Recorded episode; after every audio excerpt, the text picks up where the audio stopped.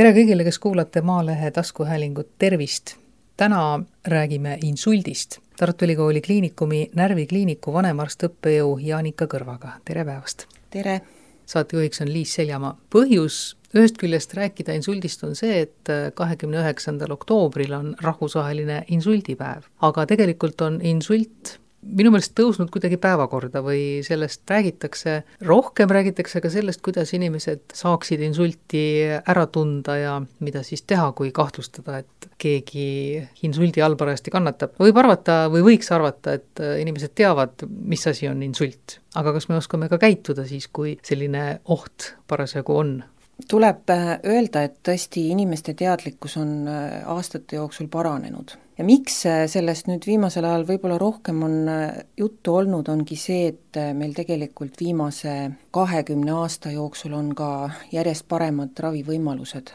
seda patsienti ravida. Et kui varem me tegelikult Äh, lihtsalt ta võtsime haiglasse ja uurisime seda põhjust, miks ta insuldi sai ja, ja saime võib-olla nii palju teha, et äh, korduvat insulti hakata ravimitega ja elustiili muudatustega vältima, siis praegu me saame tegelikult patsienti ravida esimeste tundide jooksul. ja noh, see ongi see peamine põhjus, miks me seda teavitustööd oleme ka teinud ja, ja et inimene peab oma insuldi ära tundma, et see on väga oluline, et kiiresti haiglasse saabuda räägime sellest siis, kuidas insulti ära tunda. see, kellel endal insult tuleb, võib-olla ei pruugi sellest äh, aru saada, aga vähemalt need, kes tema juures on, äh, nemad panevad tähele, et midagi on viltu, aga kas nad saavad ka aru, et tegu on insuldiga? Jah, ma ei saa päris öelda, et nüüd inimene seda ise ära ei tunne alati, vahest tunneb inimene selle ise ka ikkagi ära. aga muidugi jaa, kui insult on selline raske kuluga või raske insult, siis võib olla niimoodi, et inimene ei saa ise midagi teha ja, ja just need kõrvalolijad peavad selle ära tundma. kõige esimene asi, et insult tekib alati äkki, ta on selline akuutne või äge haigus, et ei ole niimoodi, et pea käib ringi või tasakaal on halb ja, ja siis tõenäoliselt insult tuleb, et tavaliselt ikka niimoodi ei ole, et see tekib ikka äkki. ja need sümptomid, mis insuldi puhul tekivad, viitavad siis ajukahjustusele, et, et meil on mingisugused ajukahjustuse sümptomid. ja need siis tavaliselt tekivad siis nii-öelda, kuidas me kutsume, sellised ärajääma nähud ehk defitsiidid. ja see tähendab, et midagi, mingi funktsioon, mis enne oli olemas, see kaob ära see sõltub siis äh, sellest, kus kohas selle ajus see insult tekib, aga kõige sagedamad sümptomid on siis äh, ühe kehapoole halvatus, jalg ja käsi näiteks muutuvad nõrgaks ja samal ajal samal poolel siis ka tekib näos suunurga alla vajumine. ja lisaks sellele võib siis seesama kehapool muutuda ka tuimaks, et inimene muutub tundetuks, kui tal on äh, kahjustatud ka kõnekeskus ajus, siis võib tekkida kõnehäire, inimene ei saa teise inimese kõnest aru ja oma kõnest ta ei saa aru ja ta ei täida korraldusi ja ta ei saa ka rääkida, tal ei tule sõnad meelde ja mõnikord on see siis nii raske, et ta vaatab ainult otsa, ühtegi sõna ei ütle. no need on need äh, kõige klassikalisemad sümptomid, aga tegelikult on seal äh, mitmeid veel ja need sõltuvad siis sellest ajupiirkonnast, mis kahjustatud on. noh, need on sellised võib-olla natukene harvem esinevad, teevad, aga vot just see, mida me tavaliselt rõhutatakse, suunurk vajub alla, üks kehapool läheb nõrgaks, tekib tuimus ühes kehapooles ja tekib rääkimise või kõnest arusaamise häire. Need on need põhilised sümptomid kõrvalolija või ka inimene ise võiks siis teha nii-öelda nagu kontrolltesti, eks ole, mida on ka siin-seal ikka räägitud, et tõsta käed ette ja naerata, et kui üks käsi ei tõuse ja üks suunurk ka mitte, et siis on väga-väga tõenäoline, et tegu on insuldiga jaa, tähendab, me ei saa kunagi öelda, et see ei ole insult ja, ja me peame käituma täpselt nii, nagu insuldi puhul. mis siis teha tuleb, siis tuleb võtta telefon ja kutsuda, helistada häirekeskusse, et Eestis on nüüd, ei ole eraldi kiirabinumbrit, on häirekeskuse number üks, üks, kaks ja see on kõige kiirem äh, tee sinna, et ei pea panema aega järgmiseks päevaks perearsti juurde või hakkama ootama, kui, kui lähedased koju saabuvad. et, et see on äh, ikkagi esimene asi, on võtta telefon ja helistada häirekeskusse ja kui öelda, et mul on kahtlus, et inimesel on insult, siis nad tulevad väga-väga kiiresti? jaa, üldiselt tulevad ja meie dispetšerid äh, häirekeskuses on koolitatud, nad küsivad teatud küsimused, äh, mis neid on õpetatud, nad äh, oskavad seda kahtlustada ja, ja insult on kõrge prioriteediga kutse, tulevadki kohe, panevad mõnikord vilkurid ka peale ja kui inimene on üksi, kahtlustab endal insulti, isegi kui ta ei saa korralikult rääkida või mis iganes, et kui ta suudab valida selle numbri, siis igal juhul seda teha, et noh, ma ei tea, dispetšerid võib-olla võivad aru saada ka tema sellisest äh, pominast või segasest kõnest või millestki, et tegu võib olla insuldiga? jaa, küll nad saavad aru ja nad oskavad seda kahtlustada kas meil on teadlikkus selles osas nii hea, et inimesed ka teavad, et äh, sellisel puhul tuleb kiiresti helistada? No me ei saa öelda, et see nüüd nii sada protsenti hea on, eks see on, ma ütlesin, et see on paranenud aastate jooksul. Ja noh, üks asi muidugi, mis selle juures on selline probleemne, on see, et insult tavaliselt valu ei põhjusta ja kui inimesel valu ei ole, siis inimene tavaliselt mõtleb, et see läheb üle ja, ja noh, see ongi see asi, mis, miks paneb mõnikord, et ah, et ma lähen magama ja vaatan, mis hommikul saab ja, ja noh, siis on juba sageli hilja, sellepärast et me saame ikkagi seda ravi pakkuda esimeste tundide jooksul haigestumisest. aga kui insult tuleb magades? jaa, see on ka üks suur probleem, et meil on kiirabi kui tulebki, siis ta küsib alati, et mis kell täpselt need sümptomid tekkisid, et see on meil väga oluline, sest me arvutame seda aega haigestumise algusest. ja kui inimene läheb nüüd magama õhtul, ja ärkab hommikul insuldiga üles, vot siis meil on see aeg, kui ta viimati magama läks, seda me arvutame siis haigestumise ajaks. aga no tänapäeval, ütleme siis viim-, võib-olla viimasel viiel aastal on meil ka võimalus teatud juhtudel ravida patsiente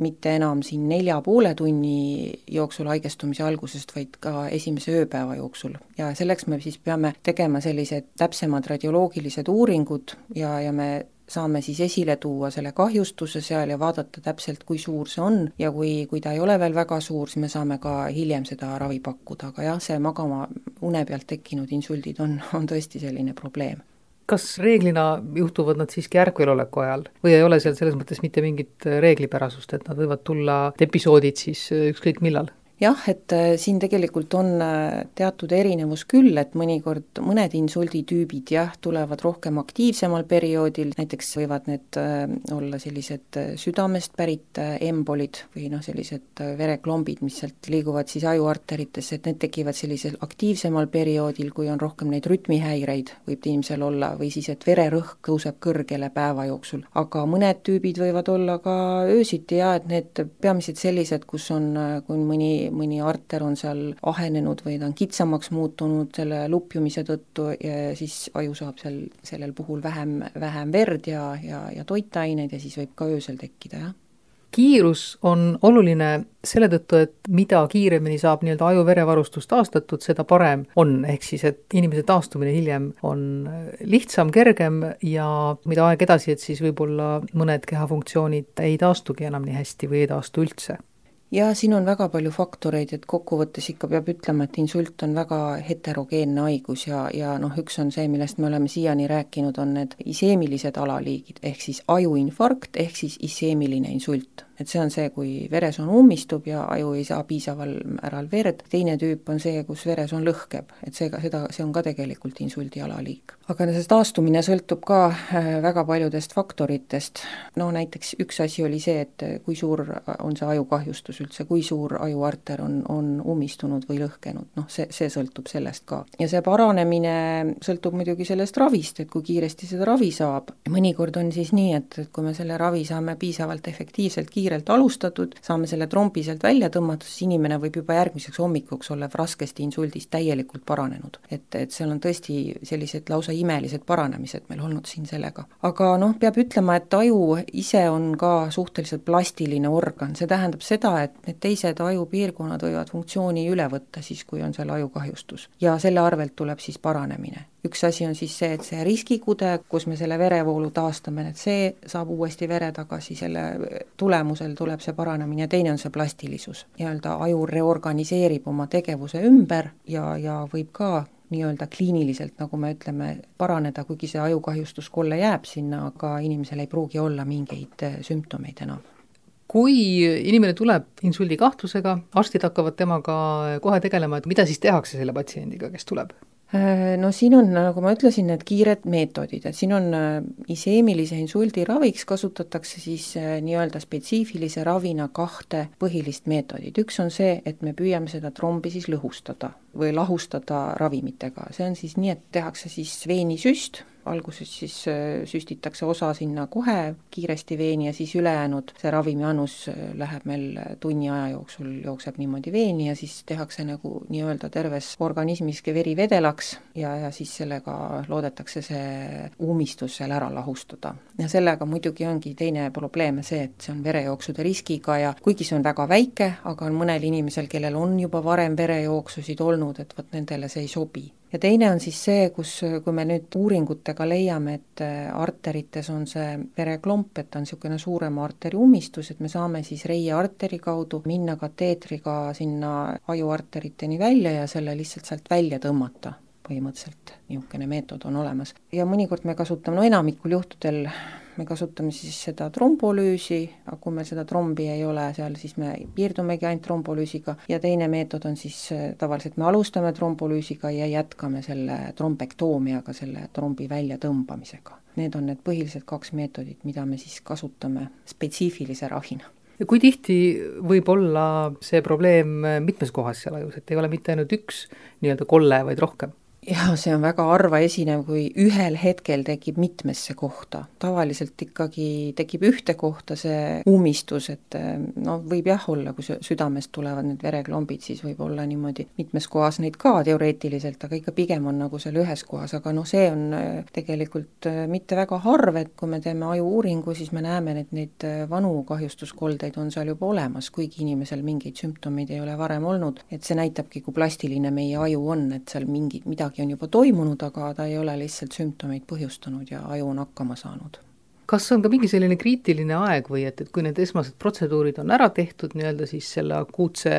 raviga, mingisugune aeg, mis läheb mööda, mil hinnatakse siis patsiendi seisundit, et kuidasmoodi on õnnestunud teda ravida? Tegelikult me ju, neuroloog ju hindab patsienti kogu aeg, ega siin ta hindab teda enne seda, neid raviprotseduure, siis ju kui need on lõppenud, järgmisel päeval ja igapäevaselt ja lahkumisel ja, ja kogu aeg käib meil seal üks, üks hindamine. Ja alguses hindab muidugi närviarst, aga ju siis tulevad ju teised spetsialistid ka juurde, järgmisest päevast on meil füsioterapeut, logopeed, õed jälgivad kogu aeg patsienti ja noh, see on ka üks tegelikult väga vajalik meetod, ravimeetod on, on ravi insuldiüksuses, et terve meeskond tegeleb patsiendiga, et see on võib-olla mõnevõrra isegi olulisem veel kui see meie spetsiifilise ravi tegemine, sellepärast et see on ju kõikidele patsientidele äh, mõeldud, et, et mitte ainult nendele, kellel on näidustus nendeks protseduurideks, millest ma rääkisin enne, aga, aga noh, nii-öelda kõik patsiendid siis saavad seda käsitlust meil, et see nii-öelda meeskonnatöö siin on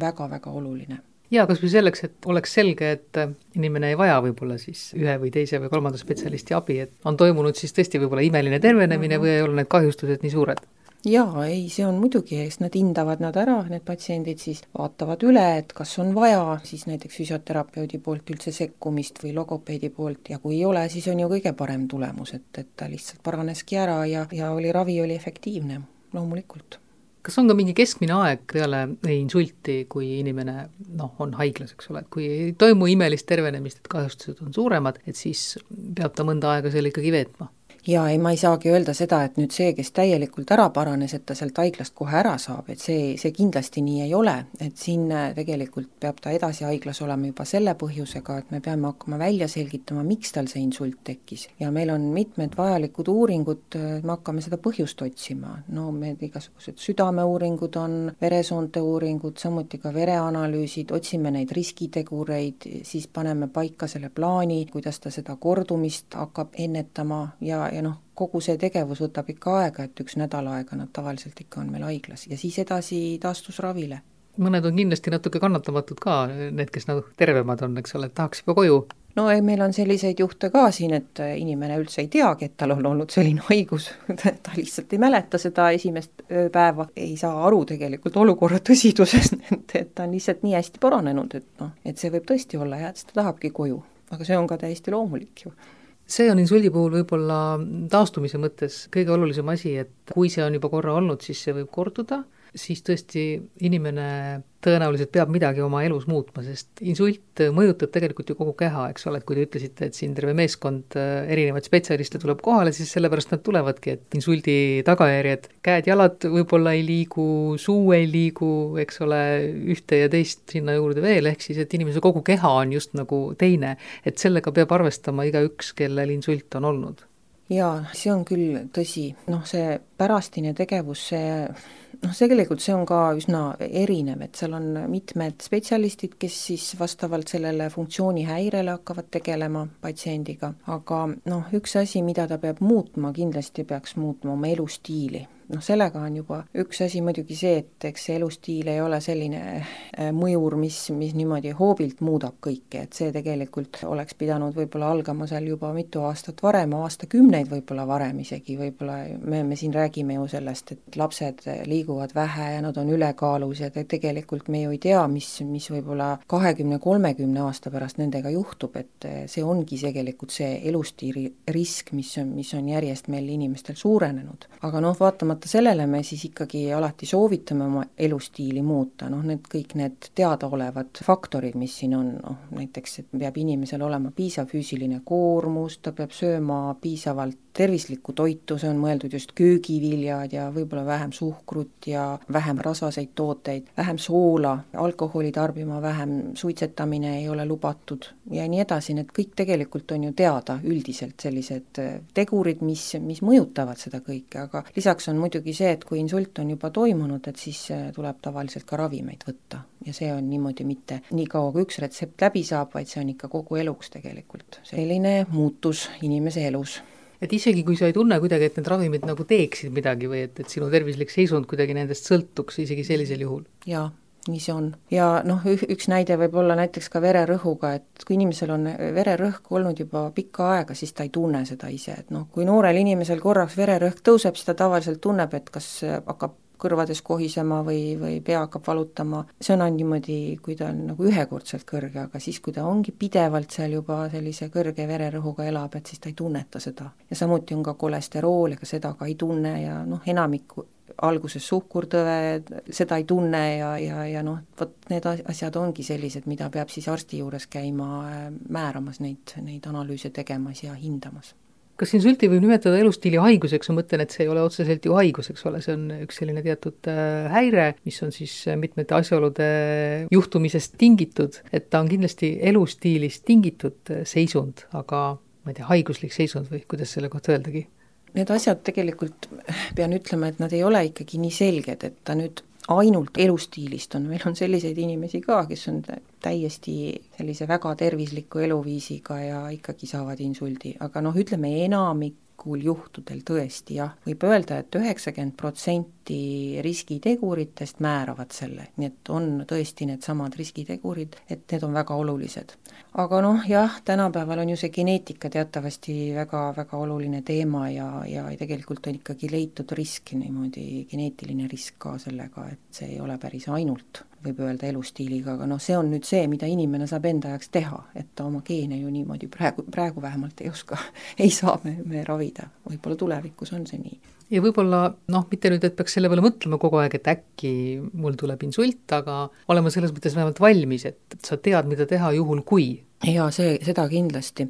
tähendab, mina ikkagi soovitaksin mitte selle peale mõelda, et mul nüüd insult tuleb, et inimene peab elama normaalset elu ja, ja eks see selline liigne stress on ka tänapäeval just see, mis, mis või on, on nagu leitud, et see on ka riskitegur. aga jah, teadlikkus on hästi oluline tõesti ja isegi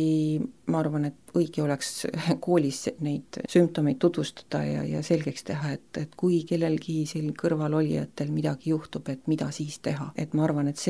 võib-olla on veel kõige õigem, et just, just lastele ja noortele seda, seda tutvustada. sest nemad võib-olla lähevad koju, neil on seal vanaema või vanaisa, kellel võib juhtuda, et nendel endal vast ikka ei juhtu, aga nad teavad, mis teha. ja nad ei ehmu ära siis ka ise? Jaa, et see on oluline, ma arvan, et see laste õpetamine on, on väga oluline, et me mõned aastad tagasi tegime koolides selliseid loenguid, aga kuna koolides on need õppekavad nii tihedad, et, et see on natuke väljaspool sellest ja siis praegu ei ole jõudnud sellega edasi tegeleda, aga ma arvan, et see oleks oluline küll kui insuldi akuutne ravi peab toimuma hästi kiiresti, siis taastusravi võib kesta väga, väga pikalt ja seal on mitmed asjaolud, millega tuleb arvestada. noh, ütleme, need sõltuvad ka võib-olla iga juhtumi puhul on seal omad lähenemised ja nüansid, aga nii palju, kui ma materjalidest lugesin ja aru sain, siis patsiendid on ise öelnud, et peamine on see ja see aitab ka tervenemisele kaasa, kui sa ise tahad, oled valmis tegema kõiki neid asju, et nii-öelda paremaks saada ja mida mitmed ka välja tõid, oli see, et sa pead leppima, et sa ei ole enam endine. jah, see aktiivne osalemine, see on, see on nagu väga-väga oluline tõesti. kui patsient on meil siin osakonnas, nagu ma ütlesin alguses, et kuskil keskmiselt siis nädala, ja siis äh, selle esimese nädala lõpuks me peame siis vaatama, et missugune tema võimekus on. ja taastusravile meil ikkagi hetkel suuname need patsiendid, kes on aktiivselt võimelised osalema et nad peavad ikka aktiivselt osa võtma sellest eh, tegevusest. et kui nad ei ole veel nii tublid ja, nad vajavad veel kosumist, siis mõnikord eh, noh, osad siis lähevad sinna õendushooldusоsakonda ka, kui nad on passiivsemad ja võib-olla väga rasked, et nad eh, ei ole taastumiseks sellised noh, ise veel võimelised aga seda saab kõike pärast siis ümber hinnata ja muuta veel. nii et see aktiivne osalemine selles on, on väga-väga oluline tõesti aga jah, et noh, et nad tõesti ei ole endised, jah, see jälle sõltub väga sellest, et mis, missugune ajupiirkond, missugune kahjustus, kõik, kõigest sellest. ja ravimeid tuleb võtta ja nii, nagu arst on öelnud, et siin ma tõesti soovitan sellist isetegevust mitte teha, et kuulata ikka, mis arst räägib ja ravimeid võtta, mis, mis on soovitatud kõige raskem ilmselt on nendel insuldipatsientidel, kes on äh, üksi, kellel ei ole ka sellist lähedaste abi võtta, kellel on lähedased, äh, nendel on kergem, aga muidugi lähedased peavad ka ühe ja teise lisaasjaga arvestama. Jaa, see on tõesti suur probleem, et mitmed eakad inimesed on, on täitsa üksi ja võib ikkagi juhtuda, et nad ikkagi ei saagi pärast insulti enam üksi hakkama ja selles mõttes jah, et äh, kui nüüd jõuda juba selle insuldiprojektini, mis siin on toimunud ja mis ei ole tegelikult veel Eestis lõppenud, mille eesmärk oli ka kaardistada seda olukorda, kuidas selle nii-öelda selle meditsiini ja sotsiaalsüsteemi vahel, kuidas see, kuidas see nii-öelda suhe on ja kuidas see sotsiaalsüsteem või integreerub sinna meditsiini ja vastupidi, see tegelikult on mõnes mõttes ikkagi probleem olnud küll see, et kuidas seda patsiendi elu või noh, ütleme siis juba mitte, ta ei ole enam patsient, vaid ta on inimene, et kuidas ta seal hakkama saab, see tegelikult on, on ikka rohkem siis juba sotsiaalsüsteemi tegevus ja ütleme, need lähedastele suur koormus, kes on seal kodus ja see on kindlasti selline asi, millega meditsiin üksinda küll hakkama ei saa. see insuldi projekt, millest me siis räägime, see tegelikult on Haigekassa projekt, ja koosneb mitmest osast, see ei ole veel lõppenud, nagu ma ütlesin, lõppraport ei ole veel avaldatud ja analüüsid ei ole veel tehtud. Ja selles osalesid neli haiglat Eestis ja, ja kliinikum oli siis nendest üks. Ja siin ta tegelikult ei keskendunud pigem sellele akuutsele ravile üldse, et ta ikkagi rohkem keskendus sellele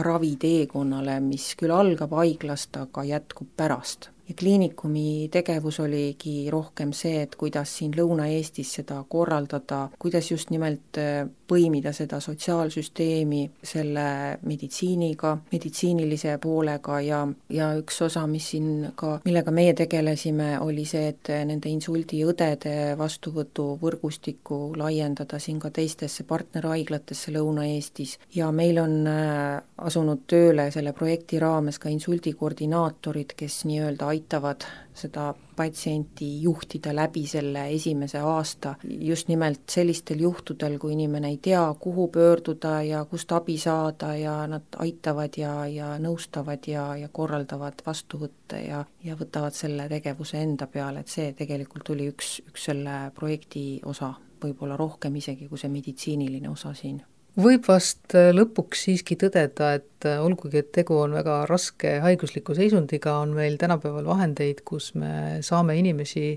aidata kindlasti paremini kui noh, võib-olla isegi kümme aastat tagasi ei no kindlasti jaa, see selles mõttes, et eh, nagu ma ütlesin, et meil on need kaks eh, nimetatud ravimeetodit, trombolüüs ja trombektoomia, me kasutame neid palju rohkem, kui oli kümme aastat tagasi ja see, see kindlasti on üks asi, teine on see, et me teame, et inimesi, insuldiga patsiente tuleb ravida sellistes suuremates keskustes et see on tegelikult üks ka asi, mida me oleme püüdnud siin viimastel aastatel juurutada, et kõikides nendes väikestes maakonnahaiglates ei ole lihtsalt seda võimekust ja ei ole, ei ole arste, ei ole meetodeid ja et nad peavad ikka olema suuremas keskuses, et see, see on üks asi ja ka taastusravi võimalused on paranenud, nii et tegelikult on see asi ikkagi meil läinud järjest paremaks, seda kindlasti tuleb öelda ja, ja, ja kui nüüd saaks veel selle projekti tulemusel ka selle, et, et see insulditeekond või see raviteekond teekond muutub sujuvamaks, et ei tekiks selliseid seisakuid vahepeal, et ei ole kuhugi minna, ootab järjekorras, ei ole taastusravi kohta või, või liigu järgmisse etappi. see, see tegelikult on ka väga oluline siin, siinjuures. aitäh, doktor Jaanika Kõrv, soovin siis sujuvamat teekonda teie patsientidele paranemisel jaa, aitäh ja minu poolt sama soov, et see asi ikkagi järjest meil paremaks läheks ja edeneks